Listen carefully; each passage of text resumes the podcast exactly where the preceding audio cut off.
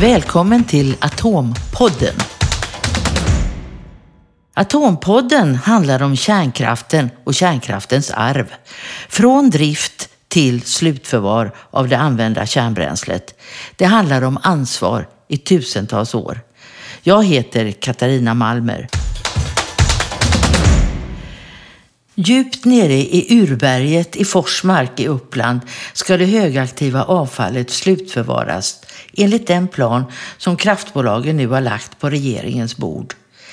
Geologer har i årtionden studerat berget och det som kan hända under den långa tid som avfallet måste vara isolerat från allt mänskligt liv. Eh, jag heter eh, Raymond Munier och är eh, strukturgeolog i grunden. Jag började med det här i, i samband med att jag gick min doktorandutbildning eh, som jag avslutade 93 eh, och intresserade mig för, för hur geologin kan samverka med ett slutförvar.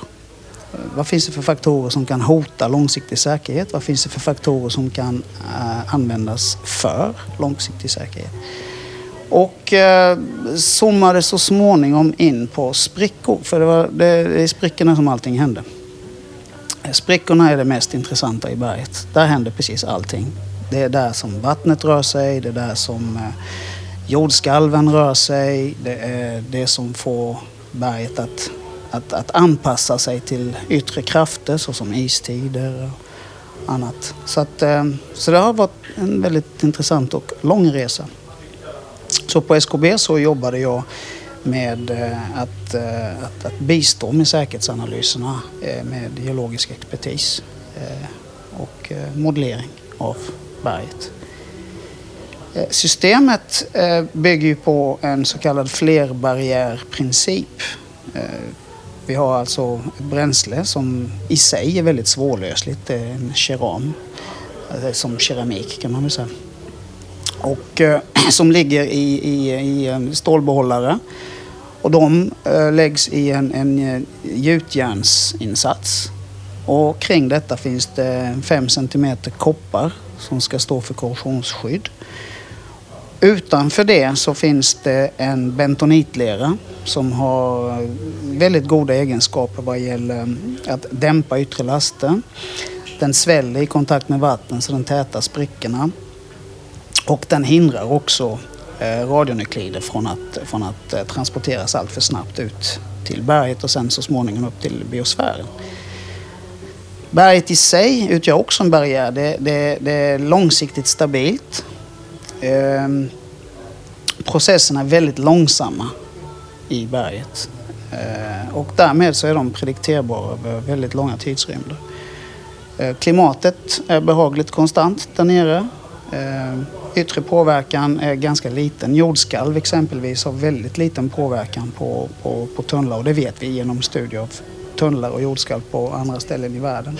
Speciellt när de är återfyllda med bentonit så som de är här. Då, då agerar i stort sett förvaret som en solid kropp när det passerar ett jordskalv. Det kan finnas situationer då, då vi får sprickbildning genom delar utav förvaret eller en, en, en återuppväckning utav sprickor som redan finns i förvaret rättare sagt i samband med jordskalv. Men det kan man alltså designa bort genom att utforma förvaret på ett sådant sätt att man undviker sådana här sprickor. Så är alltså inte jordskalv, eh, så utgör inte jordskalv någon, någon eh, risk för långsiktig säkerhet för förvaret. Ehm, det som påverkar mest på lång sikt, och vi ska komma ihåg att, att en miljon år som, som eh, säkerhetsanalyserna ska, ska eh, spänna över är faktiskt väldigt lång tid. Eh, geologiskt så är det inte så väldigt lång tid, men det är ju trots allt så pass lång tid så att vi hinner uppleva ett flertal eh, istider under den tiden. Om de återkommer med samma frekvens som tidigare så kanske sju, åtta stycken. Och det är i samband med att istiderna växer till sig och drar sig tillbaka som, som det händer saker i förvaret. Vi har eh, en nedpressning av jordskorpan, ett antal hundra meter. Eh, och sen så efter istiden så har, vet vi att vi har haft väldigt många och stora jordskalv även i det seismiskt stabila Sverige. Så att eh, det är någonting som vi förväntar oss. Vad vi också får det är en, en omrörning utav grundvattnet. Vi får liksom eh, en annan grundvattenkemi.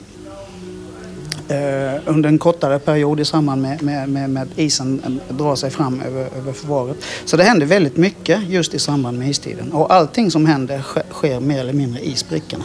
Så det är därför sprickorna har, har, har, har varit så intressanta för mig och för mina kollegor. Är det något man behöver bekymra sig över? Ja, men sprickorna det är ju vår bästa vän. Sprickor är bra med, vet vi var sprickorna eh, är så vet vi ju också var saker och ting händer. Alltså ett sprickfritt berg är ju inte bra. Det blir för stora spänningar och då vet man inte var nästa spricka sker. Finns det sprickor så finns det tillräckligt med sprickor som det ju finns i ett sånt gammalt berg som vi har i Sverige så behövs det inte nya sprickor egentligen. Alltså det är ju energi... Det, det, det, det, minsta motståndets lag. Alltså deformationer sker längs befintliga svagheter. Om det finns svagheter så är det där de sker. Vi, vi behöver alltså inte eh, skapa nya sprickor om det redan finns sprickor i berget. Men är, det, är Sverige unikt i det här sammanhanget? Nej, nej, nej, inte alls. Utan det, det är ju Sverige, Finland, Kanada, alltså stora delar utav, utav jorden består. Australien, delar utav Afrika. Alltså, vad vi, vad, vad, vad det, alltså berggrunden ska vara långt, helst långt ifrån plattektoniska gränser, långt ifrån vulkaner, långt ifrån liksom aktiv geologi. Eh, så som den är i den skandinaviska berggrunden. Det är ju långt till eh, mittatlantiska ryggen, det är långt ner till eh, jordskalven i Turkiet och i Grekland. Och, eh, så att det här är väldigt stabilt geologiskt. Du, just det. Du känner dig trygg med den lösning som nu i alla fall verkar vara på väg? Jag känner mig väldigt, väldigt trygg med den här lösningen. Som vi, har, vi har ju jobbat inte bara vi har ju jobbat med det här kanske 30-40 år och sakta och systematiskt betat av osäkerheter, eh, fått bekräftade eh, vad heter det, antaganden. Alltså, uh det, när man inte vet någonting så får man göra ett antagande och det, det, får duga så länge. Sen så får man ta reda på om det finns grund för det här antagandet. Så, precis så att vi systematiskt försökt att styrka våra antaganden. Systematiskt har vi minskat osäkerheterna. Och vi har hela tiden reaktivt eh, eh, adresserat nya frågeställningar som har kommit upp. Jag menar 40 års forskning ger ju, ger ju nya frågeställningar som vi måste alltid eh, se i ljuset av långsiktig säkerhet. Så, så på konferenser varje år så, så dyker det upp någonting som möjligtvis skulle kunna påverka eh, långsiktig säkerhet. Så har vi alltid fått ställa oss frågan hur påverkar detta? Finns det någonting vi kan göra? Påverkar det eller påverkar det inte? Det, är ju första frågan. Och om det gör det, hur påverkar det? Och sen, hur ska vi göra för att påverkan ska bli mindre eller undvikas helt och hållet? Så det gäller ju liksom att vara på. Hela, man måste ju vara på. Alltså, forskningen går ju framåt på alla fronter och vi måste ju vara väldigt lyhörda för vad som händer runt omkring oss. Så att vi alltid liksom är på topp så att vi kan garantera långsiktig säkerhet. Det är ju, liksom, det, det är vår uppgift. Alltså det, det, är den enda uppgiften skulle jag vilja säga. Att, att säkerställa långsiktig säkerhet med den bästa vetenskapen som vi har just nu och med liksom klokskap. Ja, det, det skulle jag vilja säga. Det är huvuduppgiften. Men eh, det, under de här forskningsåren har det dykt upp saker som har överraskat dig? Ja, ja inte mig. Eh, för det kom innan jag eh, blev liksom färdigbakad forskare kan man väl säga. En, en mycket viktig sak är ju jordskalven som vi, vi pratade om nyss. Eh, på 70-talet någonting så, så eh, var, var ju liksom inte jordskalven någon issue överhuvudtaget. Det, då, då betraktades den skandinaviska eh, berggrunden som eh, seismiskt död i stort sett. Eh, sen på slutet på 70-talet så, så återupptäckte man, för samerna känner ju till det där tidigare, återupptäckte man väldigt stora förkastningslinjer uppe i Lappland. Och kom fram till att de här, de, de, de motsvarar ju jordskalvar, magnitud kanske 7-8 Eh, och det, det, var ju naturligtvis ett paradigmskifte. Och i början så mottogs det med viss skepsis då utav forskarsamfundet för det var ju liksom i strid med vad man liksom trodde och generell kunskap. Men sen så småningom så etablerade sig eh, en, en, en, en ny vetenskapsgren, skulle man kunna säga, paleoseismologi i Sverige. Och de här har ju då alltså bekräftats på undersökningar och undersökningar. Och SKB var väldigt aktiva tidigt där eh, på början på 80-talet och mitten på 80-talet eh, med, med, grävningar, med borrningar. Med, så, så det, det, det, har gjorts oerhört många undersökningar som alltså bekräftas. Så det är ett faktum i samband med istiden, i alla fall den senaste istiden. Då får man många och stora jordskalv. Eh, det är också ganska tydligt att de här skalven sker längs eh, svaghetszoner som är mycket, mycket, mycket gamla. Och de har alltså då reaktiverats som det heter. De, de lever upp på nytt kan man väl säga. Vakna från de döda eller vad man ska kalla det. Eh, och eh, vi har en väldigt bra bild om var de finns i Sverige.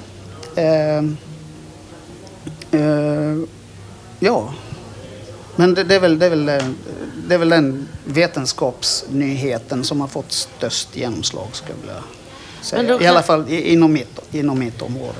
Men kan man inte tänka sig då att eh, eh kapslarna eh, går sönder? De bryts av eller?